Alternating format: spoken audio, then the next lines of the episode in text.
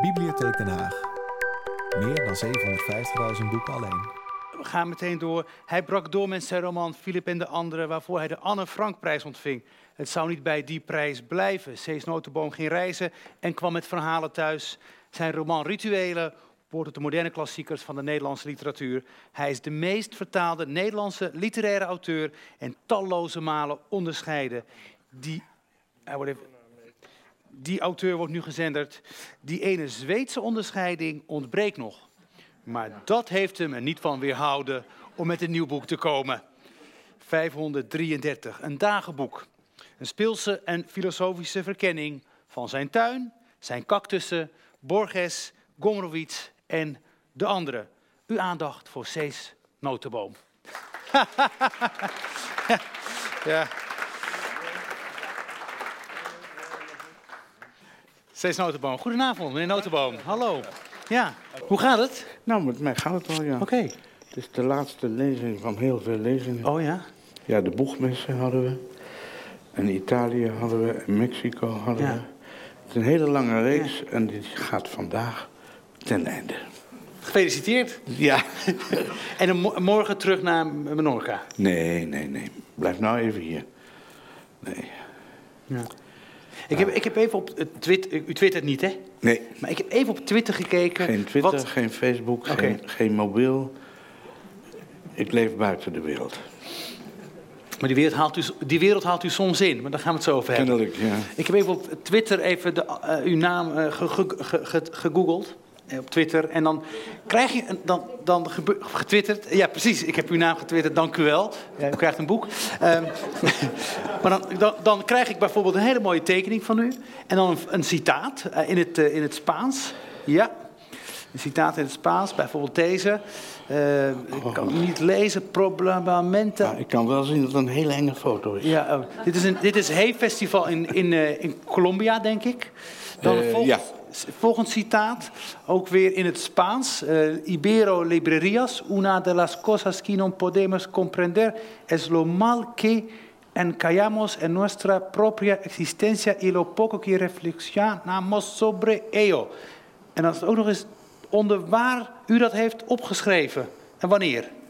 Nee, daar staat Den Haag, 31 juli. Dat is mijn verjaardag. Oh, dat is je verjaardag. Oh, oh. oké. Oké, nou, 19... goed om te weten. Volgende, ook weer in het Spaans. Dus dit is allemaal de afgelopen week hè, op Twitter.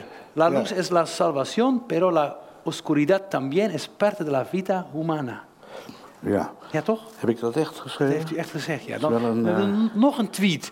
El olvido es el hermano ausente de la memoria. Die is wel goed. Ver- kunt u dat voor ons vertalen? Ja, zeker. Vergeten is de broer van de herinnering. Ja. Dus Mooi. Je hebt altijd een dubbel. Ja. Hè, sommige dingen onthoud je, andere dingen niet. Komt uit hetzelfde brein voort. En daarom zijn het broers, alle twee. Prachtig. De volgende.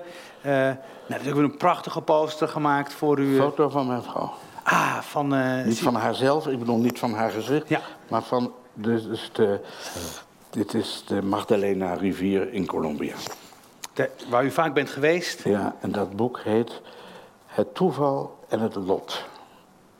In het Spaans dan. Ja. Het bestaat niet als zodanig in het Nederlands. Foto van Simo, Simone Sassen. Ja. Volgende. En dat is hier. Waar, Heerlijk, zo ja, komen goed hè? Ja, nee, maar dit, is allemaal de afgelopen week in de Latijns-Amerikaanse Spaanstalige wereld. Hmm. Ik weet niet waar dit was. Dit denk ik de. Wij waren, Nederland was nu het centrum van de boegmessen in, in Frankfurt. En we waren dat dit jaar ook in Colombia, in Bogota. Ja. Dus Nederland alleen. In, in Frankfurt waren zoiets van zes- 700 Nederlandse auteurs. Ja. En daar was ik zo ongeveer alleen. Oké. Ver- ver- verbaast dat succes u in de Latijns-Amerikaanse wereld? Nou ja, dingen zijn relatief. Hè? Ja. Maar ik bedoel, eh, het, het is leuk als je ergens anders ook gelezen Ja. wordt. En, eh, en echt gelezen wordt. Want ik denk dat er meer dan twintig boeken nu in het Spaans zijn. Maar hier denken ze altijd alleen maar, die is in Duits vertaald. Ja. Dus dat is een... Ja. Ik heb het gevoel dat, dat men in Nederland nog altijd over u schrijft alsof dat succes een wonder is. Ja, goed. Wat ik niet snap hoor, maar Nee, maar dat is een deel van eh, Ja. waar ik hiermee te maken heb. ja. Dan heeft u dit hele mooie boek geschreven, 533. Een dagenboek. U, durft, u durfde niet een dagboek te noemen. Nee, het is niet dat ik het niet durfde, ik wou het niet. En het probleem was dat het boek ook in het Duits is verschenen nu. En ik wou daar ook één dagenboek. En toen werd mij uitgelegd, dat kan niet, want dagen is in het Duits dagen, is vierde of derde naamval, dativus. En dan kan het niet. Oh. En ik wou ook niet een dagboek. Want het is geen dagboek. Ja. Een dagboek, tenminste voor mijn gevoel, want ik heb ook een dagboek. En daar schrijf je in eh, vandaag leuke avond in Den Haag, enzovoort, enzovoort. Daarna nog een, hè, iets gedronken en zo. Dat is een Ja. dagboek. Hè, zoals je de dagboeken hebt van... eh, Oh, daar, daar, Anton is daar weer. beetje corrigeren, want Voor het, we beginnen gewoon rustig overnieuw. Ja, deze hangt er nog aan. Ja, ja. Zo. Gaat u verder. even kijken waar ik gebleven was. Nee, ehm, De dativus. Ja, nou ja, goed. Soms kan in een andere taal iets niet wat je heel graag wilt. En dat, was, dat vond ik toch vervelend. En toen konden we ook uit de titel niet komen, omdat het in het Frans niet goed klonk. En toen bedacht ik ineens, ik neem gewoon het aantal dagen dat ik eraan gewerkt heb. Ja, en dat was, eh, in het begin zagen ze daar niks in, in eh, de uitgevers. En ik zei, dat onthoud je, 533. Nou ja, toen zeiden ze dat wordt een probleem met Amazon. Waarom weet ik niet. Toen hebben ze Amazon opgebeld en Amazon zei dat het geen probleem was. En daarom heet het nu toch zo. Oh. Oh. In, volgens mij de, de ondertitel in het Duits is een, een Inselboeg. Ja, nee, ber- berichten van een eiland. Maar dat klopt wel een beetje. Ja. Maar ja. nou ja, weet je, elke taal heeft een andere... eh, Ik had eerst, omdat er vlak bij mijn eiland, waar ik dus een deel van het jaar doorbreng, ligt nog een klein eiland. En dat heet, vertaald uit het Spaans, het eiland van de lucht. Dat vind ik zo'n fantastisch iets. Maar ja, dat vonden mensen weer te poëtisch. En, eh, Dat eiland beschrijft u ook in het boek. ja, daar is niks. Daar, daar Ja. staat alleen een vuurtoren. En er woont één soort zwarte hagedissen. En, eh, en je mag er niet op. Vroeger mocht je erop en dan kon je er naartoe roeien. Dat mag niet meer, want het is nu een natuurgebied. En die, maar die zwarte hagedissen, die zijn er nog steeds. Ja. U stelt zich voor. Die zijn nergens anders. Alleen daar, op dat ene Uniek. kleine eilandje. Ja. Ja. Voelt u zich een, op Minorca een, een, een vreemdeling, een indringer? Indringer zou ik niet willen zeggen. Maar je bent wel iemand die er niet echt bij hoort. Wat dat betreft zijn eilandmensen altijd overal hetzelfde. Hè? Eilanders, die. eh, en moet ik ook zeggen. eh, af en toe vragen ze: kunt u niet een avond doen of dit wat? En dat wil ik dan weer niet, want ik wil daar graag helemaal zonder iets mogen werken, zitten en schrijven. U wilt daar niet bekend zijn. Ja, dat is ook weer moeilijk, want Ja, je ja. staat soms in de Spaanse krant, dus dat weten ze daar ook. Ja. Maar ja, er gebeuren ook andere dingen. Bijvoorbeeld, ik zal niet een naam noemen, maar de zoon van een bekende Nederlandse uitgever. Die wilde, en die heeft dat ook gedaan, met een Nederlands literair geïnteresseerde groep, twintig man, naar mijn huis gaan kijken. Ja. Toen heb ik gezegd, nou ja, hij had het al gedaan. Hè? En ik zag het voor me, want ik woon aan het eind van een weggetje. Er is helemaal niks bijzonders daar. Maar het is het eind van een weggetje. En ik heb Spaanse buren. Die hebben waarschijnlijk heel raar opgekeken dat daar ineens twintig Hollanders stonden om naar dat huis te kijken. En nu vroeg hij of hij dat nog een keer mocht doen. En, en dan meer. En dan ook in en in de tuin en alles. En toen heb ik gezegd, nee, nee, eigenlijk, eigenlijk liever niet. Want ze schrijven een boek, ze maken een boek over eh, de literaire Balearen. Die eilanden heten zo. Hè? Ja, nou nee, dus. ja. Maar het gebeurt inderdaad. Ooit stond er een enorme rugzak. Zo. Voor de deur. En dat was van een Zweedse mevrouw. En die vond dat ze eigenlijk bij ons kon komen wonen. Ja, dat, dat zijn lastige dingen. Die tuin, hè? Want het- u, u beschrijft die tuin en ehm, eh, u begint met die, met, die, eh, met, met die cactus. Maar voordat ik bij die cactus kom, wil ik naar Bezuidenhout, het bombardement in Den Haag. Dat is een flinke stap. Ja, is een flinke stap, maar het, het gaat me namelijk over... u bent in het boek op het eiland, onderweg. Niet alleen geografisch, u gaat het eiland af, u gaat de wereld in... zoals, zo- zoals we het kennen en waarderen in Cees Notenboom. Maar u reist ook in de verbeelding. Ja. de, de verbeelding is een geografische plek in uw oeuvre.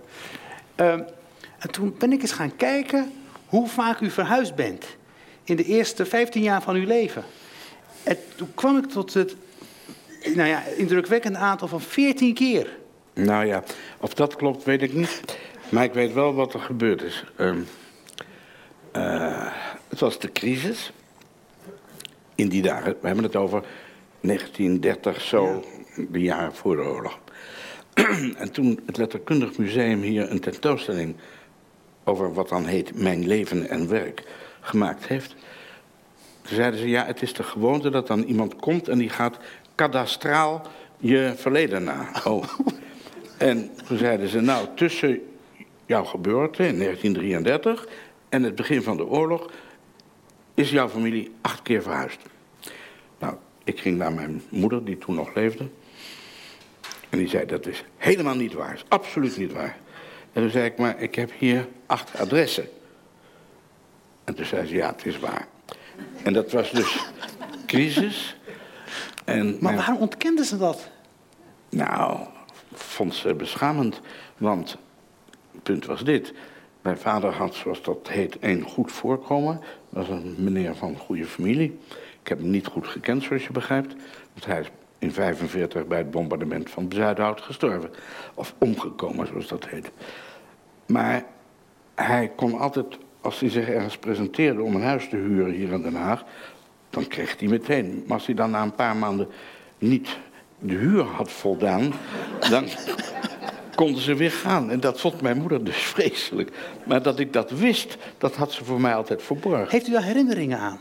Nee, daar kan ik geen herinnering aan nee. hebben. Niet echt. Dat beschrijft u ook, hè? Ja. Nee, kijk, je kunt herinneringen hebben als je op een vaste plek blijft en je vaste ouders hebt. Maar mijn vader was al dood toen ik eh, zo oud was. Mijn ouders zijn bovendien nog, als je het nou echt allemaal moet weten, in 1943 gescheiden. Ja. En eh, het zijn allemaal raadselachtige dingen. Ja.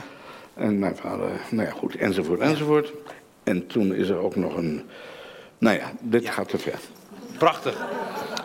Maar niet ver genoeg, want u heeft er ook over gedicht. En dat is dit gedicht over uw vader. Wilt u dat voorlezen op de, in prachtige Ja, bundel over dat andere eiland? Dat had ik nog nooit gedaan. Ja, je moet het zo zien. Ik ben vorig jaar een keer naar Schiermonnikoog gegaan. Daarom heet dit Monniksoog. En Schiermonnikoog vond ik ongelooflijk prachtig. Maar ik woon op een heel ander eiland in Spanje. Met een totaal andere vorm van landschap. In Spanje heb je rotsen en je hebt... Ja, het is niet een, een enorm... eh, hoe moet ik het zeggen? Eh, het is een vrij rustig qua natuur eiland, maar heel mooi. Zoals een landschap in Toscane. Mallorca heeft hogere bergen en diepere valleien enzovoort. Ja, nou ja, goed. En dan ben ik op dat andere eiland, zoals ik het noem. Jij bedoelt dit gedicht, hè? Ja, ja, ja. Nou, kijk, er is een foto. Die staat op de achterkant van een boek. En dat was mijn vader. Want mijn vader was best deftig, moet ik zeggen, aan die kleren van toen te zien. Dat is weer eerder, dat is de jaren twintig. En dan staat hij op met een trenchcoat en met soupiers, van die rare dingen die je boven je schoenen had, die we nu nooit meer dragen. Maar zo echt met stof, met knoopjes en zo. En hij staat er, en een strik, dus hij staat daar behoorlijk deftig op. Met een vriend, waarvan we niet weten wie. En hij ging naar Indië. Goed. Nou schrijf ik. Bedenk een verleden. Wees niet zuinig met oorlog of ontrouw. Je vader op het dek van een schip, jong, trenchcoat, soupiers, stomme film, zonder titel. Man op weg naar de oost, een of ander 1920. Het schip zonder naam en niets meer te vragen. Voor de herinnering van doden is er geen code. Daar woont niemand. Lege kasten, het lege huis van een naam. Ik kijk naar de man op het dek. Hoort hij de zee? Hoort hij de zee zoals ik hier? Een oude man die hij nooit heeft gezien? Dat drong ineens tot me door. Dat niet alleen heb ik mijn vader nooit meer gezien na zijn dood, uiteraard. Maar hij heeft mij ook nooit als volwassene gezien, als oudere man. En nu ben ik zelf een oude man. Ik ben ouder dan mijn vader ooit geworden is. Dus daarom zeg ik, een oude man die hij nooit heeft gezien. En eens vond ik dat zo raar. Ja. Maar het is zo. hebben we het geluid van een mail. Oh ja, dat is een... Ja. Maar dit is nou een echt gebeurd verhaal. Ja, ik weet wat je bedoelt natuurlijk, want ik heb het zelf geschreven. nee, mijn vader, dat, dat is wat je wilt. hè? Oh, wacht even. Wa- wa- Want in het boek, eh, ja, het, het boek dat loopt over van de flora en fauna. Ja. Ehm, en sommige van die dieren eh, die, die roepen een eh, Proustiaans moment bij op. In dit, in dit geval deze vogel. De meeuw. Ja, kijk, ik was aan het wandelen op het noorden van het eiland. Nu weer Menorca. En daar had je meeuwen. En meeuwen kunnen ontzettend rare geluiden maken. Soms zijn het net kleine kinderen. En soms zijn het net een beetje geile oude mannen. Die daar zo boven hele rare kreten. Toen moest ik, ineens kwam die herinnering terug. Wij woonden dus bij Zuiderhout. En mijn vader had een soort, zoals je een schilderijraam maakt. Dus een lijst van hout. En daar had hij een, we hebben het over de hongerwinter. Had hij een deken tussen gespannen, een dunne deken. En dan zat hij op meeuwen te wachten. En als die meeuwen kwamen, liet hij het vallen. En daar houdt de herinnering op. Want ik heb, kan me met geen mogelijkheid herinneren dat hij daar ook meeuwen onder had. Want die zouden dan raar gefladderd hebben. En ik kan me ook niet herinneren dat we ze gegeten hebben. Eten mensen meeuwen? Ik heb het nooit gehoord. Hongerwinter, tulpenbollen, dat weet ik. Dat hebben we wel gedaan. En dat hij dan op een fiets zonder banden enzovoort probeerde in de buurt bij boeren eh, enzovoort. Maar meeuwen, nee. En toch heb ik dat gezien, dat hij dat, dat die meeuwen dan, Ja. en dat hij dat liet vallen. Maar daarna houdt de herinnering op. De, de, de herinnering is als een hond die gaat liggen waar hij wil. Dat heb ik heel lang geleden geschreven. Ja. Ja. Maar dat klopt hier nou precies bij. Ja.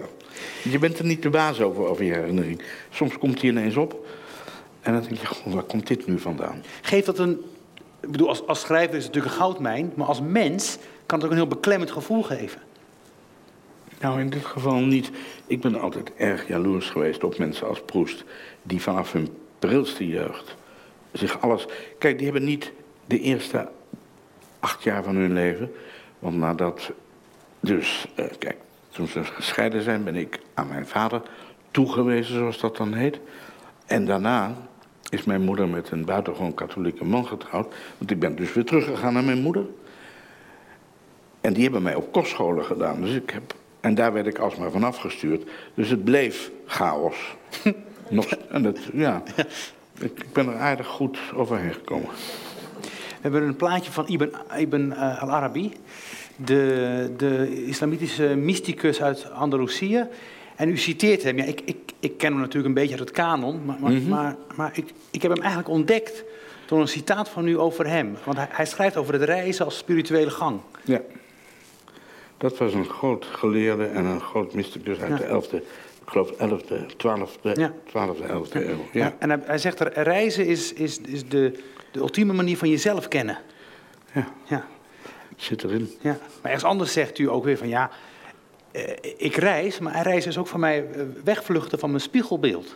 Nee, dat heb ik nooit gezegd. Oh, nee, ik dat- citeer u verkeerd. Ja? Ja. Omdat het is wat andere mensen altijd vragen. Die zeggen, eh, als, als u zoveel rijdt, bent u dan op de vlucht? En ik zeg, nee, ik ben niet op de vlucht. Waarom zou ik op de vlucht zijn? Ik reis, voor mij is dat de normali normaal. Hey, eh, ik bedoel, het wordt een iets moeilijker naarmate je ouder wordt. Maar dit jaar, dit jaar was ik toch uitgebreid in Peru en in Colombia. En toen weer terug en later nog een keer naar Mexico. Dat is, hoort voor mij nog steeds bij het normale leven. Maar ik begrijp best dat andere mensen dat raar vinden. Maar eh, ik zou het raar vinden als ik alsmaar thuis moest blijven. Maar er, is, er wordt mij vaag gevraagd. Dan zeggen ze, kent u de uitspraak van Pascal... Eh, het ongeluk van de mensheid komt daaruit voort dat ze niet 24 uur in een huis kunnen blijven. Ja, dan denk ik, ja, dat ken ik. Maar waarom vragen ze dat aan mij?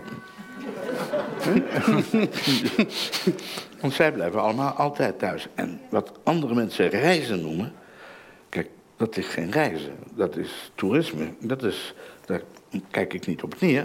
Want het is heerlijk voor mensen als ze 14 dagen of drie weken helemaal eruit zijn. Dat is, maar dat is niet wat ik reizen noem.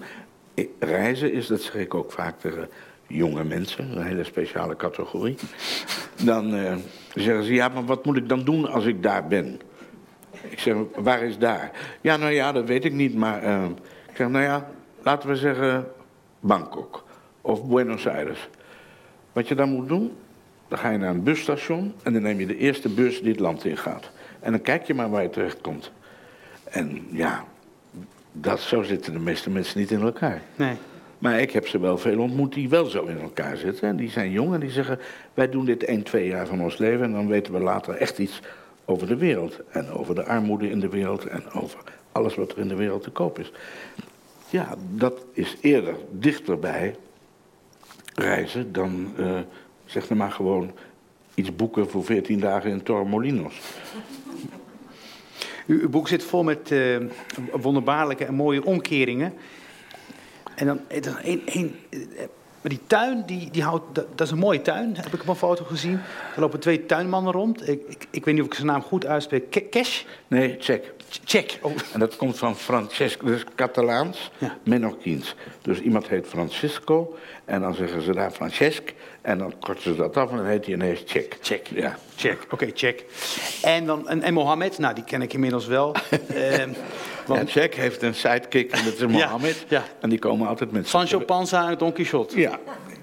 En, en Mohammed is heel trots, want die is 50.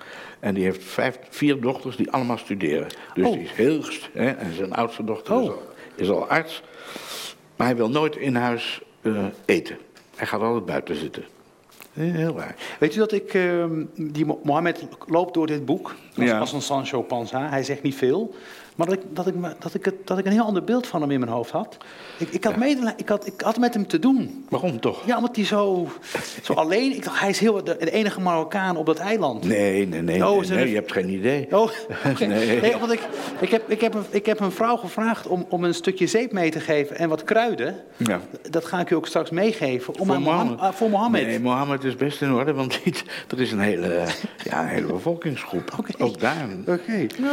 Zij, zij, eh, zij Het is ook heel dichtbij trouwens. Ja. Hè? Drie- 300 kilometer en ze zijn thuis. Ja.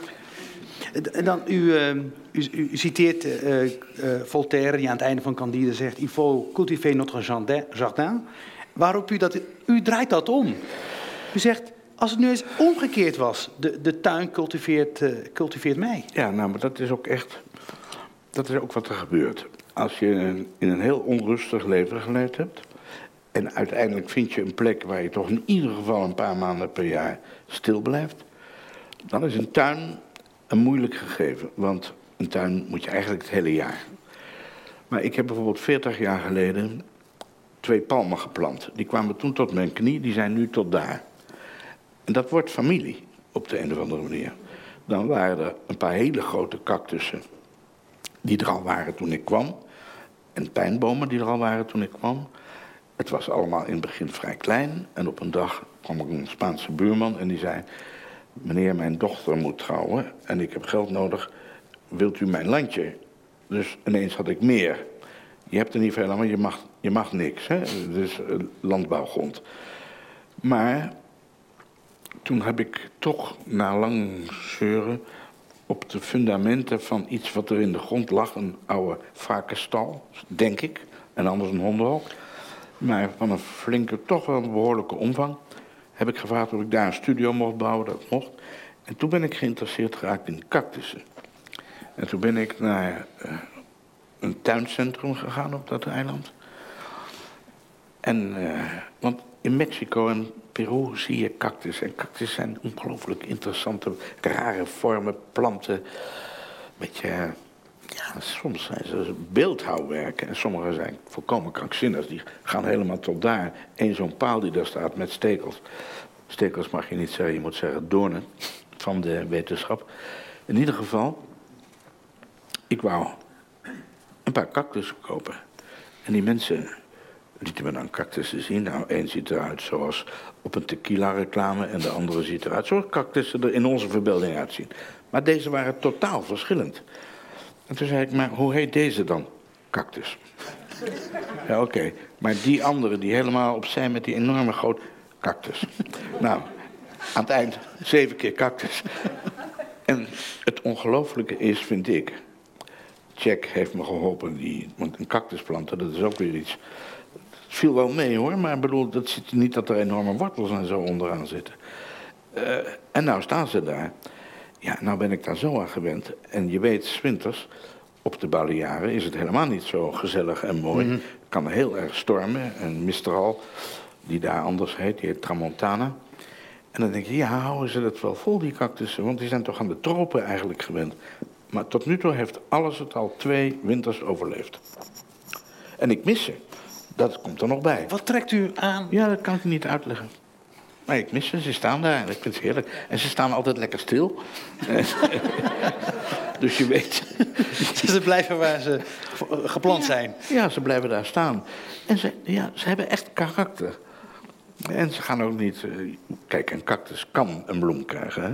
Sommigen doen dat ook. En soms heb je dat je een jaar moet wachten. En er is er een bloem en die duurt maar één dag. Dat vind ik ongelooflijk fascinerend, dat soort dingen. Die fascinatie die, eh, die zit er pagina na pagina in. Ook als het gaat om het vangen van vlinders. Of, of is het een mot? Hè, dan, eh, dat is deze. En dan eh, schrijft u, nou, u, u, u vangt hem. Oh, je hebt hem ja, daar. Ja, ja, ik heb hem. Ja, Dan kunnen de mensen dat ook zien. Oh ja. ja. ja. U, u, u Ja, is, beschrijft... een, is, dit is een hele gevaarlijke, gemene rotmot. En wij vonden hem zo mooi.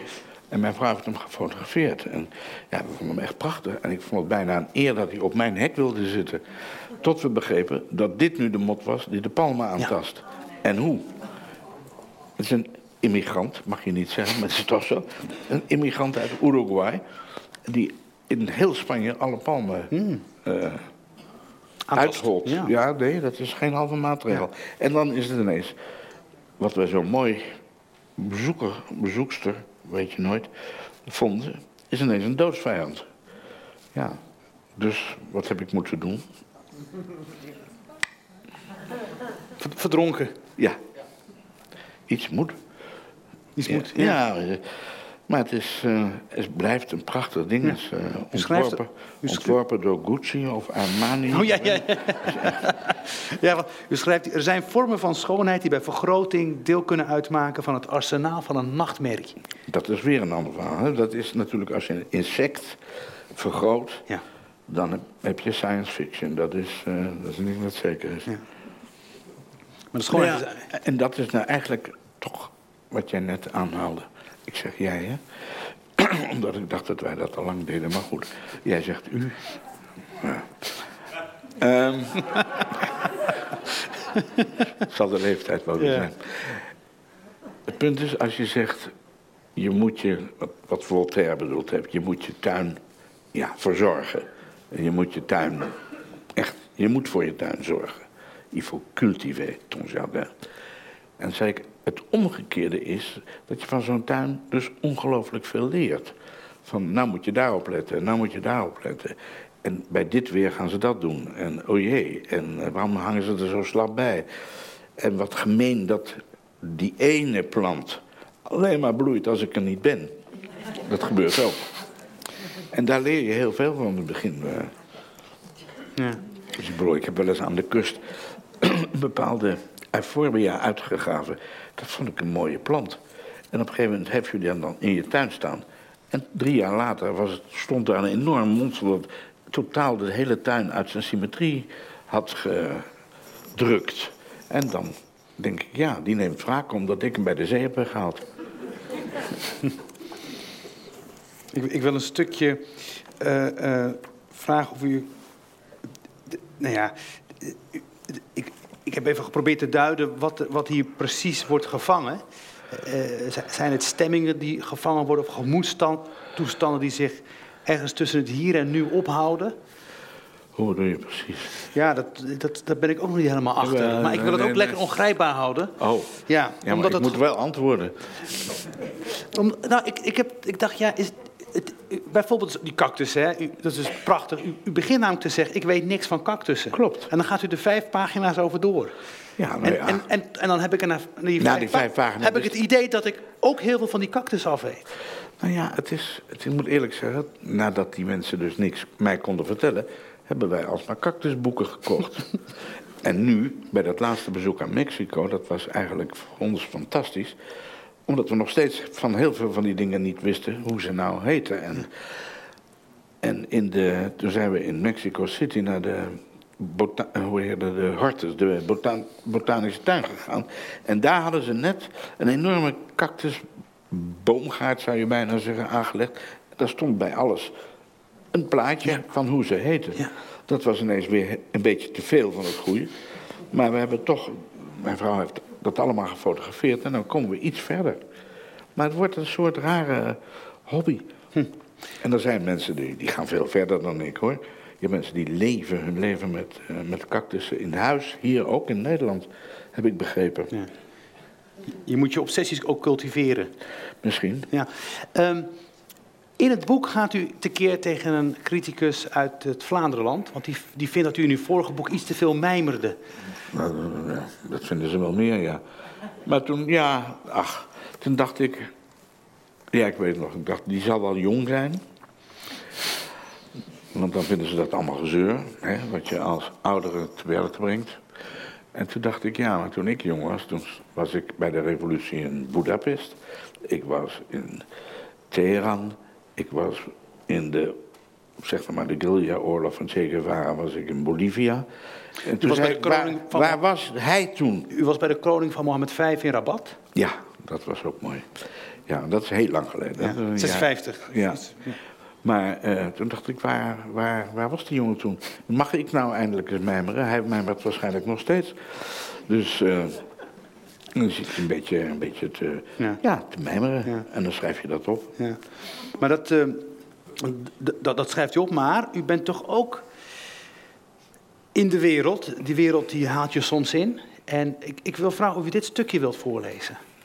Ik vind dat een heel... Ik vond het echt, We hebben het niet afgesproken. nee, maar dat, Nee, eh, het gaat over het moment dat u op tv iets ziet. En dat, dat, dat, eh, dat moment dat er een, een aangespoelde Oh ja. Koerdische jongen... Ja, maar dat heeft te maken, dat is ingewikkeld. Maar als ik het niet erg vind, dat heeft te maken met dat Jeroen Bos boek. Ja, ik heb ook een boek over Jeroen Bos gemaakt dit jaar. Dat was het Prado Museum. Die vroegen mij of ik daar iets. Of ik daar wilde komen en meedoen aan een documentaire. En dat heb ik gedaan, dat was fantastisch. Want dan mocht ik ehm, s'nachts alleen, tenminste alleen, ik, ik mocht s'nachts in het Prado. En dan sta je voor die schilderijen van Bos. En dat is een ongelofelijke ervaring natuurlijk.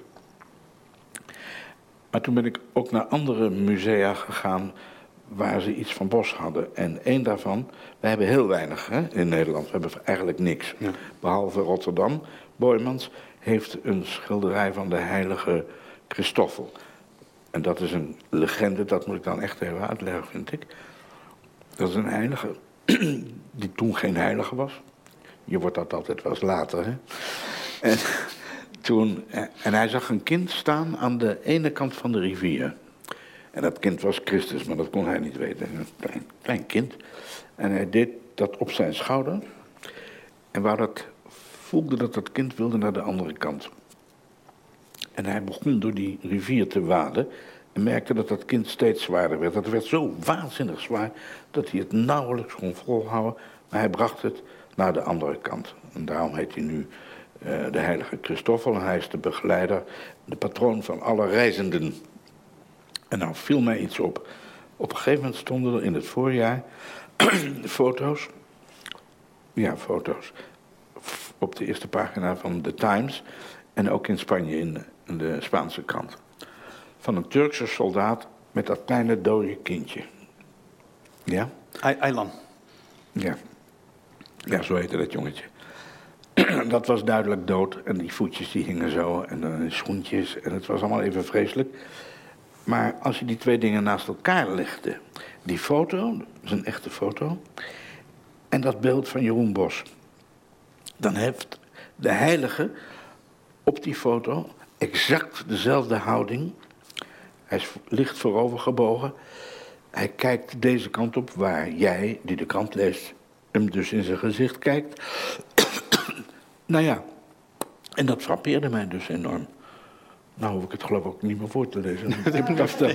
Nee, het, eh, Maar dat- ik, ik, ik kan even... t- ja, nou mijn slotregel is... Ja. Dat wil je waarschijnlijk. Het verhaal is bekend, nou dat heb ik al verteld. Sorry, ja. Ik heb hier wat Ja. water. Ja.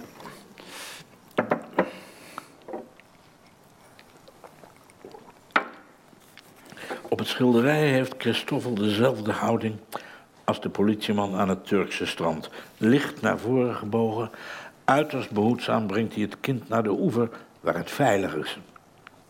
Hij kijkt rechts uit het schilderij, zoals de man in de krant zijn gezicht naar rechts gericht heeft, waar wij zijn.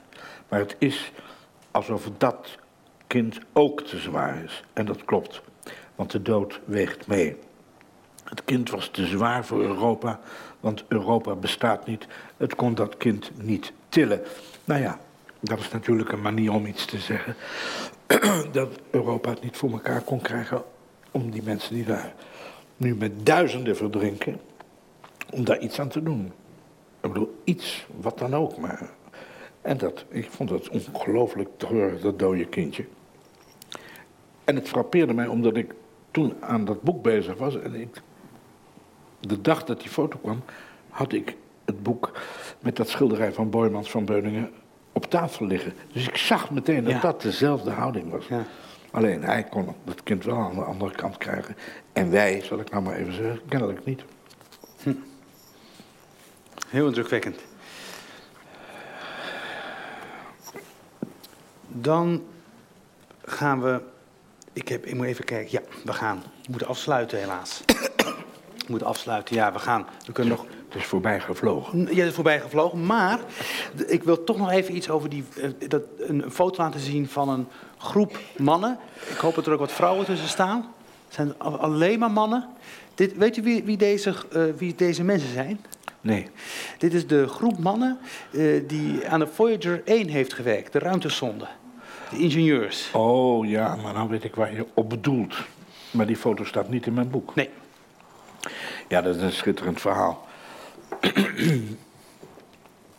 In, in mijn boek het volgende verhaal. Daar, heb ik, daar zijn die twee ruimtesondes, de Voyager 1 en de Voyager 2. 2. En mijn hoofdpersoon gaat dan op een gegeven moment kijken in het Smithsonian Institute in Washington. En dan zie je, daar hadden ze een trucage gemaakt. Waardoor het leek, ik ben daar zelf ook geweest. Waardoor het leek alsof je op de maan stond. Je stond dus eigenlijk op de maan en je zag die dingen. Dat hele project is begonnen in 1972. En de bedoeling was, omdat in dat, in 1976, zouden zes planeten op één rij staan. En de bedoeling was dat die Voyagers die planeten zouden fotograferen. Dat is natuurlijk een enorm. We hebben geen idee van de berekeningen die je daar moet. Dat je precies met de zonnestand en alle andere standen en alles. Hoe je dan foto's van die planeten kunt maken. En daarna. En dat viel mij toen op omdat ik daar in dat museum dat allemaal hoorde. En er was zo'n beetje slijmerige Amerikaanse stem. Die dan zegt: And then we will know the answer to all our questions. Als die dingen voorbij gaan. Are we all alone in the universe? nou ja. En moet ik eerlijk zeggen, dan krijg je ook, en toen zei hij ook nog, dat die dingen nu 25.000, ik weet niet wat, al die getallen met al die nullen. Maar iedereen is dat verder vergeten. Alleen ik niet. ik ben het altijd blijven volgen. ja. En vorig jaar, of het jaar daarvoor, was er een ogenblik waarop die ruimtesondes ons zonnestelsel verlaten hebben. ja. Die groep mensen, die waren met 200, die dat volgden in 1972. Daar zijn er nu nog zeven van over. Die hebben de gepensioneerd, sorry van dat hoesten, ik kan er niks aan doen. Die hebben allemaal de pensioengerechtigde leeftijd al lang bereikt. Er zijn erbij van net boven de 80, maar bij een vrouw.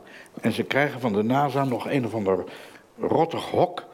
waar ze nog contact hebben met die ruimtesondes.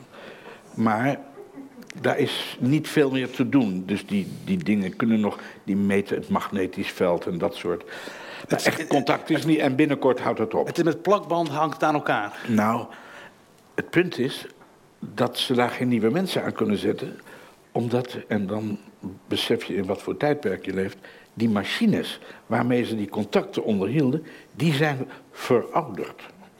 Dat zijn nu antieke machines. Dus die kunnen ze niet meer gebruiken. En er zijn geen mensen meer die ze daarvoor op kunnen leiden. Dus dat, die ruimtesondes gaan nu verder. En die gaan verder. En toen zei een van die vrouwen iets, want ik hoorde dat op er was een reportage op de Duitse radio vorig jaar, net toen ik aan het boek bezig was. En toen zei die vrouw, en dat met een van zelfsprekendheid waar ik koud van werd, moet ik je zeggen. Toen zei ze, ja. En de eerste ster die de Voyager nu tegenkomt, is in 40.000 jaar. En dan pas krijg je een Hmm. beeld van wat wij allemaal denken. Je wordt er lichtjaren, weten wij veel. Ik bedoel, je weet het als je het weten wil, maar afstanden.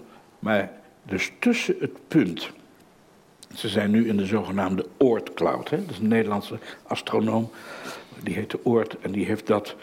Dus dat is nadat je het zonnestelsel verlaten hebt, ga je voor een oneindige tijd door een soort ruimtechaos.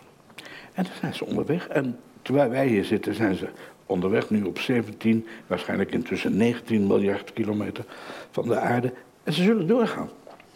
En toen die vrouw zei, de eerste ster waar ze voorbij komen, niet waar ze landen. En nou is het krankzinnige.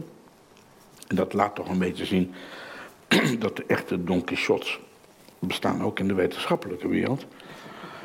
Want Koert Walheim, toen de Ja. secretaris-generaal van, Van de, de. UNO, die heeft dus een gouden langspeelplaat meegegeven. Voor als ze de aliens tegenkomen. En zodat ze daar, daar, waar, daar iets van ons begrijpen. Ja.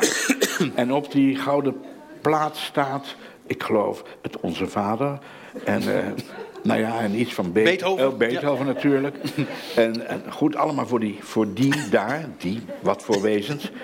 Maar, omdat ze niet zeker wisten dat die mensen zouden weten sorry hoor, hoe ze die plaat moesten afspelen, hebben ze er een tekening bij gemaakt hoe ze een platenspeler moesten bouwen.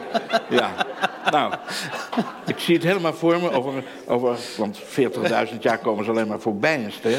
Maar als ze nou in 80.000 jaar ergens, dan zie je ze toch gezellig zitten hè, met het... We gaan afsluiten met een gedicht. En eh, dat is dit gedicht op pagina 8. Jij hebt het uitgezocht. Ja. Mag ik even kijken? Ja, tuurlijk. Ja.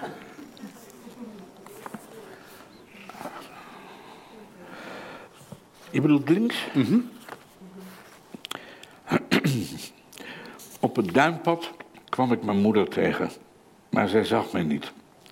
Ze praatte tegen een andere dame. En ik hoorde haar zeggen: Iedereen vindt mij hier aardig. Dat ze echt was, wist ik door het geluid van het schelpengruis onder haar voeten. Daarna zag ik ook mijn broer en mijn halfbroer onderweg met hetzelfde verleden als het mijne: chaos en onrust. De Noordzee had wilde koppen. Het strand was verlaten. Mijn broers waren doorzichtig. Ik zag het pad door ze heen. Nu zou ik een schat willen vinden. Een aangespoelde walvisstand of goud, waardoor alles weer goed kwam. Dankjewel, namens iedereen. Dankjewel, Cees Notenboom. Dankjewel.